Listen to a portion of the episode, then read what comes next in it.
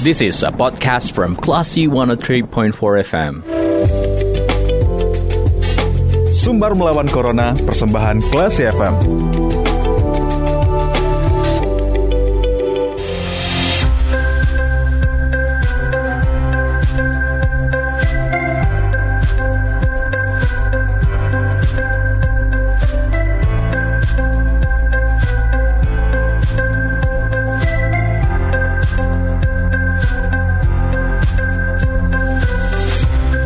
Empat Classy FM, this is the actual radio Classy People. Terima kasih masih mencermati Comfort Time dan saatnya Anda kembali mencermati sumber melawan Corona bersama saya, Bimo Alvaro. Classy People, kemunculan klaster penularan baru COVID-19 yaitu klaster keluarga menimbulkan kekhawatiran baru di masyarakat. Pemerintah termasuk Presiden Joko Widodo mengingatkan bahwa virus corona juga bisa menular di rumah yang dihuni sebuah keluarga. Oleh karena itu, Presiden meminta agar masyarakat berhati-hati serta tetap mematuhi protokol kesehatan saat berada di rumah. Hal penting lainnya yang bisa dilakukan sebagai upaya mencegah meluasnya penularan lewat klaster keluarga yaitu dengan menerapkan prokes uh, bahkan ketika Anda terpapar dan juga sedang menjalani isolasi mandiri. Untuk berbicara seputar bagaimana klaster keluarga terjadi, kita sudah tersambung dengan Bang Dodi Rosadi selaku jurnalis katadata.com yang sempat uh, terpapar virus uh, corona di dalam keluarganya. Langsung kita sapa. Assalamualaikum Bang Dodi. Waalaikumsalam, selamat sore Mas Bimo. Gimana kabarnya, kabarnya Bang sore hari ini? Sehat, sehat, sehat. Sudah normal seperti sedia kala. Alhamdulillah. Bang Dodi kita pengen uh, tahu nih Bang gimana uh, kisah dan juga kapan sih abang dinyatakan terpapar virus corona nih bang? Oke, jadi aku cerita di awal Juli ya, kalau tidak salah itu sekitar tanggal 3 ya, aku demam. Ya, aku waktu itu berpikir sih mungkin biasanya sih aku demam itu kalau aku kecapean. Kan di masa work from home ini, iya. uh, apa ya, pekerjaan sih sebenarnya sama, cuman ya lebih berat aja karena kan kita bisa meeting non-stop ya dengan Zoom bisa dari pagi sampai sore sampai malam kadang-kadang. Makanya waktu itu ketika demam, hmm. aku berpikir oh yaudah mungkin ini karena efek uh, terlalu lelah. Jadi waktu itu aku minum air putih yang banyak, huh? terus aku buang air kecil yang banyak. Biasanya sih itu aku lakukan ketika sebelum masa pandemi. Kalau aku demam biasa kayak gitu, ya udah minum air putih aja yang banyak. Nah besoknya hilang demamnya. Okay. Maksudnya oh ya udah berarti memang ini ya demam biasa. Tapi tahu-tahu muncul batuk Oh. Batuk ini benar-benar batuk yang nggak enak itulah. Ya udah, aku akhirnya beli obat batuk lah di minimarket. Nah, biasanya sih kalau aku minum itu ya sehari dua hari sih lumayan lah batuk keperda ini ternyata enggak tambah menjadi-jadi batuknya. Uh, terus muncul kayak kayak radang tenggorokan gitulah kayak panas dalam. Oke. Okay. Nah ya udah, aku beli kalau panas dalam itu biasanya aku uh, langsung beli apa minuman larutan penyegar gitu mm-hmm. ya biasa sih tiga botol empat botol itu sembuh lah nah ini ternyata kok nggak hilang-hilang juga terus batuk juga makin jadi-jadi nah kebetulan teman kantor waktu itu bilang udah kamu coba tes antigen aja terus yang ada di kepala masa iya sih cuman gara-gara batuk aja uh, harus tes antigen gitu karena begini uh, kebetulan uh, saya tinggal di apartemen huh? dan memang kami jarang keluar sih uh, karena saya work from home, anak saya juga belajar dari rumah. Jadi memang kami sangat-sangat uh, menjaga agar tidak bertemu dengan kerumunan lah. Kalaupun keluar kita pakai masker dan lain-lain. Jadi kami berpikir waktu itu ya harusnya sih kami tidak terpapar. Nah, cuman karena saya batuk dan kebetulan istri saya juga tulang-tulangnya berasa ngilu. Oke. Okay. Nah aku mulai mulai ngerasa, aduh, kalau yang aku ingat kalau tulang ngilu itu salah satu tanda ya, salah satu simptom simptom COVID. Nah akhirnya uh, tanggal 7 aku putusin aku sama istri antigen okay. ke klinik dekat rumah. Waktu itu udah sore, udah jam 3 ya udah uh, sambil nunggu kebetulan waktu itu hasilnya setengah jaman hmm. udah aku nunggu uh, di mobil kita kita berasumsi bahwa waktu itu anggap aja kita positif lah jadi kita tidak mau nunggu di dalam klinik jadi kita nunggu di dalam mobil setengah jam hasilnya keluar kita deg-degan tuh kita berdua sih masih yakin karena kebetulan pas kita tes antigen tanggal hmm. 7 itu uh, batukku sudah lumayan berkurang, tidak separah uh, beberapa hari sebelumnya. Oke. Okay. Dan istriku juga sudah ngilunya sudah lumayan hilang. Jadi kita berpikir kita sudah recovery sih sebenarnya cuman ya untuk memastikan aja sih kita positif apa enggak ya udah kita antigen jadi kita datang ke klinik itu sebenarnya di kepala tuh ya udahlah formalitas saja hmm. ternyata pas dapat dari WhatsApp keluar hasil positif nah hmm. yang ada di kepala waktu itu langsung aduh uh, ada anak SMP di rumah satu anakku hmm. satu perempuan gimana nih dia mau kita taruh di mana hmm. aku taruh di tempat ibuku wah kayaknya nggak uh, enak juga. Karena waktu itu aku sebenarnya pengen merahasiakan kalau aku dan istri positif. Okay. karena ibuku kan uh, diabetes ada penyakit aku nanti kepikiran dia ngedrop. Jadi aku nggak kepikiran tuh taruh di tempat ibuku taruh di tempat adikku. Adikku juga tinggal di Cibubur. Waktu itu lagi ppkm darurat. Aku pikir wah pasti susah nih nembus ke sana. Nah kebetulan aku tinggal di apartemen. Nah pengelolanya sebenarnya menyiapkan satu unit untuk mereka yang mau isoman. Jadi hmm. keluar dari tempat tinggal saya disiapkan unit khusus. Cuman aku berpikir, aduh nanti kalau kita ke unit yang disiapkan itu, nanti anak saya hmm, 14 hari siapa yang ngurus hmm. kayak gitu kayak gitu makan apa dan lain-lain. Ya udah akhirnya kita putusin kita bulat ya udah kita isoman di rumah aja. Okay. Nah tapi kita kan mesti memastikan nih dia uh, negatif atau positif. Jadi besoknya aku bawa dia ke PCR. Oke. Okay. Nah bawa ke PCR. Nah hari dua hari kemudian baru hasil PCR keluar dan ternyata alhamdulillah anak saya negatif dan hmm. saya dan istri tetap positif waktu itu city value saya yang paling kecil 16 istriku waktu itu 22 okay. nah ya udah jadi ketika sebelum kita PCR itu sebenarnya kita sudah berpikir uh, kalau nanti positif kita harus isoman di rumah kita mesti ngapain jadi memang saya waktu itu sih sudah mempersiapkan beli botol hand sanitizer yang agak banyak huh? jadi kita pegang masing-masing dua botol lah terus aku beli kayak sarung tangan terus beli peralatan-peralatan ya makanan dan pas stok itu kayak gitu gitulah telur kayak gitu beras dan lain-lain. Ya just in case lah. Jadi memang kita sudah waktu itu memutuskan ya sudah kita isoman di rumah aja. Uh, walaupun kamar mandi cuma satu ya nanti hmm. gimana caranya nanti kita atur lah biar apa ya biar sama-sama enak dan tidak saling menularkan. Begitu sih waktu okay. itu uh, di saat Bang Dodi mendapatkan hasil dari tes tadi kan langsung positif. Apakah Abang langsung ngabarin pihak kantor, rekan-rekan kolega kalau misalnya nanti uh, butuh waktu selama 14 hari untuk isoman uh, atau gimana nih Bang? Atau Abang rahasiakan dulu? Jadi waktu kami uh, dapat hasil antigen huh? uh, positif, istriku lapor ke Satgas di apartemen karena di apartemen ada Satgas COVID jadi langsung lapor, ngasih tahu bahwa kami positif. Jadi nanti ketika kami sampai apartemen, tolong nanti disiapkan jalur khusus biar kita tidak bergabung dengan uh, para penghuni lainnya lah untuk lift dan lain-lain seperti Betul. itu. Lalu saya telepon kantor. Saya hmm. langsung telepon kantor, karena sebelumnya saya sudah bilang ke kantor, hari ini saya mau tes antigen karena saya batuk nggak sembuh-sembuh, hmm. terus itu saya uh, badannya ngilu-ngilu. Uh, kemungkinan sore aku mau antigen nanti kalau udah selesai aku kasih tahu kantor ya udah jadi begitu selesai aku langsung kasih ke kantor dan waktu itu kantor nanya kondisinya gimana dan lain-lain aku bilang sih udah agak mendingan cuman ya masih batuk belum kelar jadi hmm. aku lupa apa sorenya atau besok paginya kantor tuh langsung ngirim uh, vitamin hmm. dan lain-lain obat-obatan dan saat ke apartemen juga ngasih kita obat-obatan okay. seperti itu supporting toolsnya uh, lengkap ya bang ya. Seperti suplemen yeah. juga vitamin. Dan untuk kesehariannya nih bang selama 14 hari. Dan juga ada satu anak yang berusia masih di SMP gitu ya bang ya. Uh, bagaimana cara membagi aktivitas di dalam rumah? Uh, eh, okay. abang gimana nih caranya untuk kayak uh, yeah. apakah nyuruh anaknya via WA untuk pergi ke kamar atau gimana nih bang? Jadi uh, saya tinggal di apartemen dengan dua kamar tidur dan satu kamar mandi. Jadi ketika kami memutuskan isoman jadi yang beneran isolasi itu adalah saya dan istri. Jadi anak saya itu dia menguasai ruang tamu sama kamar dia.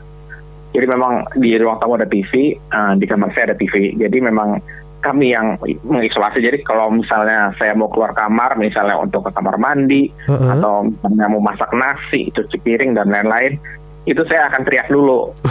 uh, kita mau keluar ya, ya udah anak saya otomatis akan masuk ke kamar, tutup pintu. Hmm jadi ketika kita keluar, apa pun yang kami pegang, kami sentuh, setelah selesai itu langsung saya, saya semprot dengan hand sanitizer. Okay. Termasuk kami apa memisahkan peralatan makan. Jadi piring, sendok, gelas kami dengan anak saya tuh kita pisah. Oke. Okay. Begitu juga dengan apa uh, semua yang lain-lain lah. Jadi ya pokoknya itu kita kita pisahkan semua lah. Hmm. Seperti itu. Termasuk juga ketika saya nyuci baju itu ya saya ketika nyuci baju saya pakai sarung tangan okay. untuk nyuci baju anak saya. Jadi ya memang harus apa ya? Memang harus dipisahkan lah karena begini. Uh, ini kan kita berhadapan dengan virus yang uh, kasat mata ya. Iya. Jadi kita nggak tahu, ya siapa tahu kita sempat batuk bersin atau apa tertinggal di situ kan itu kan uh, bisa menularkan. Dan hmm selama 14 hari isoman saya dan istri selalu pakai masker walaupun kita di kamar hmm. keluar kita selalu pakai masker. Oke. Okay. Itu sih. Oke okay, bang. Jadi memang benar-benar harus disiplin. Betul. Dan Bang Dodi untuk anaknya memang di saat uh, mengetahui kalau abang dan istri terpapar, apakah uh, langsung diedukasi kalau misalnya ini COVID bisa sembuh kok, tidak seperti hal yang ditayangkan di TV atau gimana? Karena kan anak-anak juga rada worry, rada khawatir ya bang ya dengan bagaimana isu dan berita yang berkembang di saat ini. Ya, jadi sebenarnya anak saya waktu itu tidak terlalu khawatir ya. Jadi mungkin aku nggak tahu ya anak zaman sekarang mungkin uh, sangat easy going ya. Jadi waktu itu saya cuma bilang papa sama mama positif, hmm. kamu negatif. Jangan sampai kamu positif juga ya. Jadi gimana caranya?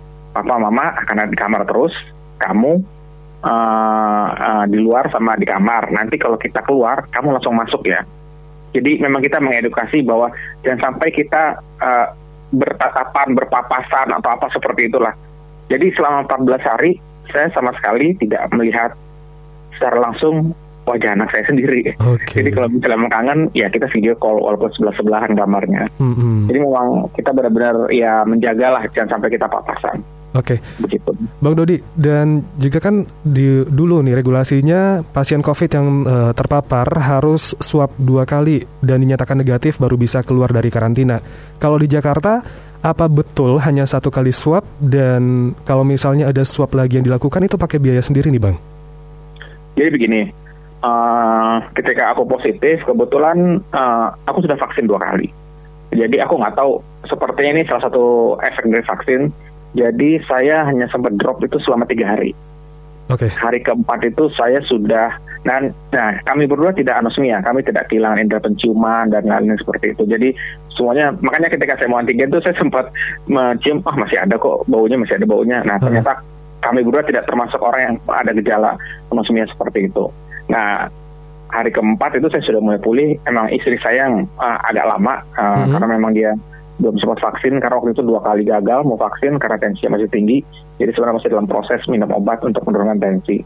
Nah jadi uh, waktu itu sih kita selalu kontrol ya ke dokter di telemedicine.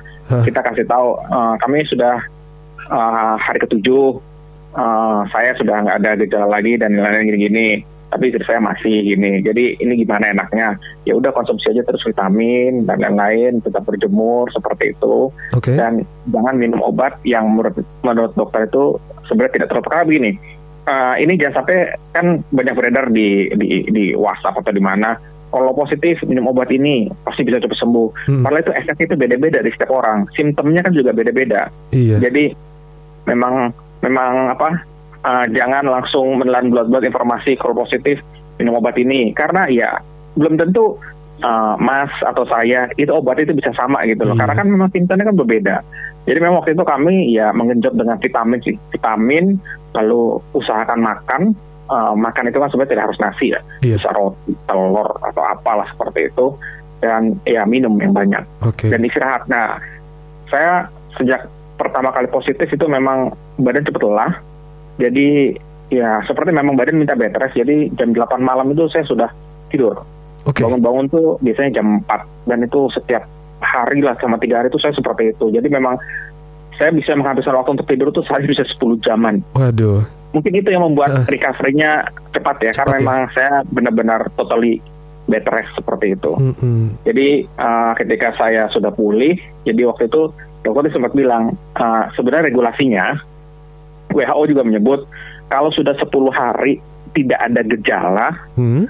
itu sebenarnya tidak perlu antigen lagi atau PCR itu tidak apa-apa. Cuman ditambah lagi tiga hari untuk memastikan. Nah, kalau misalnya sudah 14 hari, sebenarnya di Jakarta ada uh, perusahaan yang mewajibkan dua kali swab, uh, PCR swab, baru dia boleh bekerja lagi. Yeah. Ada yang, ya kalau sudah 14 hari nggak ada gejala, ya nggak usah antigen pun juga nggak apa-apa. Sebenarnya seperti itu. Okay. Jadi memang nah, beda-beda sih ya. Ada perusahaan yang menetapkan dua kali PCR swab. Kalau aku kemarin memutuskan karena kita udah nggak ada gejala dan udah sehat, ya antigen aja sih. Karena begini, aku sempat konsultasi dengan dokter, jadi uh, kalau 14 hari itu PCR swab dan itu masih positif, sebenarnya itu sisa-sisa virus yang sebenarnya sudah mati, hmm. tapi dia terdeteksi okay. oleh PCR swabnya. Jadi gitu makanya sebenarnya sih waktu itu dokter tidak menyarankan untuk PCR swab udah udah 14 hari antigen aja udah cukup sih sebenarnya. Oke, okay. Bang Dodi kita gitu. pengen tahu nih Bang, kayak gimana pola makan Abang? Kalau istri gimana? Uh, lahap kah ketika saat nah, saat isolasi ini, mandiri? Kebetulan karena saya yang lebih cepat pulih, jadi yang urusan domestik itu saya uh, ini saya beruntung uh, punya teman-teman yang sangat perhatian. Jadi tiap hari itu ada aja makanan yang dikirim. Frozen food lah okay. buah lah sayur mayur lah vitamin madu apa dan lain-lain. Nah sementara pas hari pertama hari kedua gitu lagi nggak selera. Jadi oh. saya anak apa pun makanan yang dikirim ya agak susah tuh masuk ke kerongkongan. Cuman dia tetap kita paksain sih walaupun cuma tiga sendok empat sendok. Nah saya waktu itu hmm, memang masih agak sulit makan karena kerongkongan nggak enak ya Pak. Yeah. waktu itu saya paksain ya tiga empat suap masuk lah. Nah istri memang itu agak sulit. Hmm. Dia sama sekali tidak masuk lah itu makanan. Makanya akhirnya waktu itu kalau tidak salah uh, buah saya udah makan buah aja lah atau itu apa ya entah roti apa apa lah gitu. Jadi ya nggak mesti nasi. Jadi mesti ada yang masuk ke perut karena kan harus minum obat juga. Jadi memang waktu itu kalau untuk makanan saya lumayan cepat hari keempat itu saya sudah mulai agak sedikit normal lah makanan. Oke, udah kayak biasa ya bang ya, udah lah ya bang ya. udah hampir kayak biasa lah. Jadi sudah mulai berasa lapar. Kalau awal-awal itu ya nggak ada rasa lapar sama sekali. Hmm, hmm, hmm. Oke okay, gitu. bang. Nah itu kan agak lama waktu itu. Oke, okay. Bang nih Bang sebelum kita menyudahi kebersamaan kita, kita pengen tahu dari kejadian ini nih Bang, dari kasus Abang bersama keluarga, apakah ada beda uh, kebeda, uh, perbedaan yang abang rasakan ketika terpapar COVID dengan yang terpapar varian Delta. Nah di sini kan abang juga sempat nih melihat bagaimana berita menjelaskan orang-orang yang terpapar COVID seperti ini. Nah di abang yang untuk varian Delta, apakah ada perbedaan yang abang uh, lihat dan abang rasakan? Sebelum dan sesudah ya maksudnya ya? Iya sebelum dan sesudah. Iya. Uh, setelah saya negatif dan lulus jadi sarjana COVID yang efek yang paling merasakan itu adalah pertama cepat lelah. Oh, gampang lelah ya bang ya? Uh, jadi kalau dulu mungkin saya bisa nih ngezoom dari pagi sampai malam, hmm. sekarang tuh kadang-kadang jam 2 itu badan sudah ngedrop. Oh. Jadi memang harus di break. Itu satu. Kedua, aku nggak tahu. Ini aku sudah konsultasi ke teman-teman yang lain juga. Jadi cepat lapar. Apakah Jadi, ada peningkatan berat badan bang selama menjalani isolasi mandiri? Kalau awal-awal sih enggak sih, kayaknya aku yakin turun lah. Dua uh. cuma sekarang ini uh, dulu aku tuh punya kebiasaan kalau sarapan tuh uh, ya nggak mesti jam 7, jam 8. Kadang aku baru sarapan jam 9. Kadang hmm. ya sarapan tuh ya ya minum aja udah cukup lah. Jadi bukan sebuah kewajiban lah untuk sarapan itu. Hmm. Cuman setelah negatif bayangkan aja itu abis azan subuh perut udah bunyi gitu. Jadi ini ini kenapa? Aku sempat tanya sama teman-teman iya itu normal lah biasa. Kalau okay. orang baru negatif memang uh, apa ya aku nggak tahu apakah itu uh, delta itu mengubah sesuatu di dalam perut jadinya dia bawa adalah lapar mulu cuman ya maksudku ya nggak apa-apa lah maksudku ya kalau lapar kan tinggal makan makan toh iya. bisa apa aja kan bisa roti mm-hmm. uh, pisang atau apalah kayak gitu gitu cuman ya itu sih efeknya sampai sekarang aku masih merasakan uh, uh, cepat lapar sama cepat lelah oke okay. Oke Bang Dodi, uh, terima kasih waktunya untuk bisa berbicara di sumber melawan corona. Semoga keluarga sehat terus ya Bang ya. Baik, okay, terima kasih Mas Bang. Oke, dan jaga terus protokol kesehatan. Assalamualaikum. Waalaikumsalam. Baik, Classy People, itu dia Bang Dodi, uh, di mana menceritakan kisahnya terpapar uh, bersama istri, tetapi anak semata wayangnya tidak terpapar dan bagaimana bisa menjaga diri untuk tidak menyebarkannya ke anggota keluarga yang lain.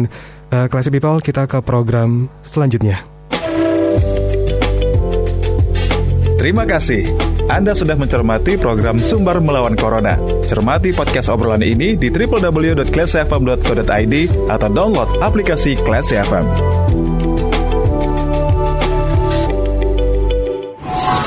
This is a podcast from Classy 103.4 FM.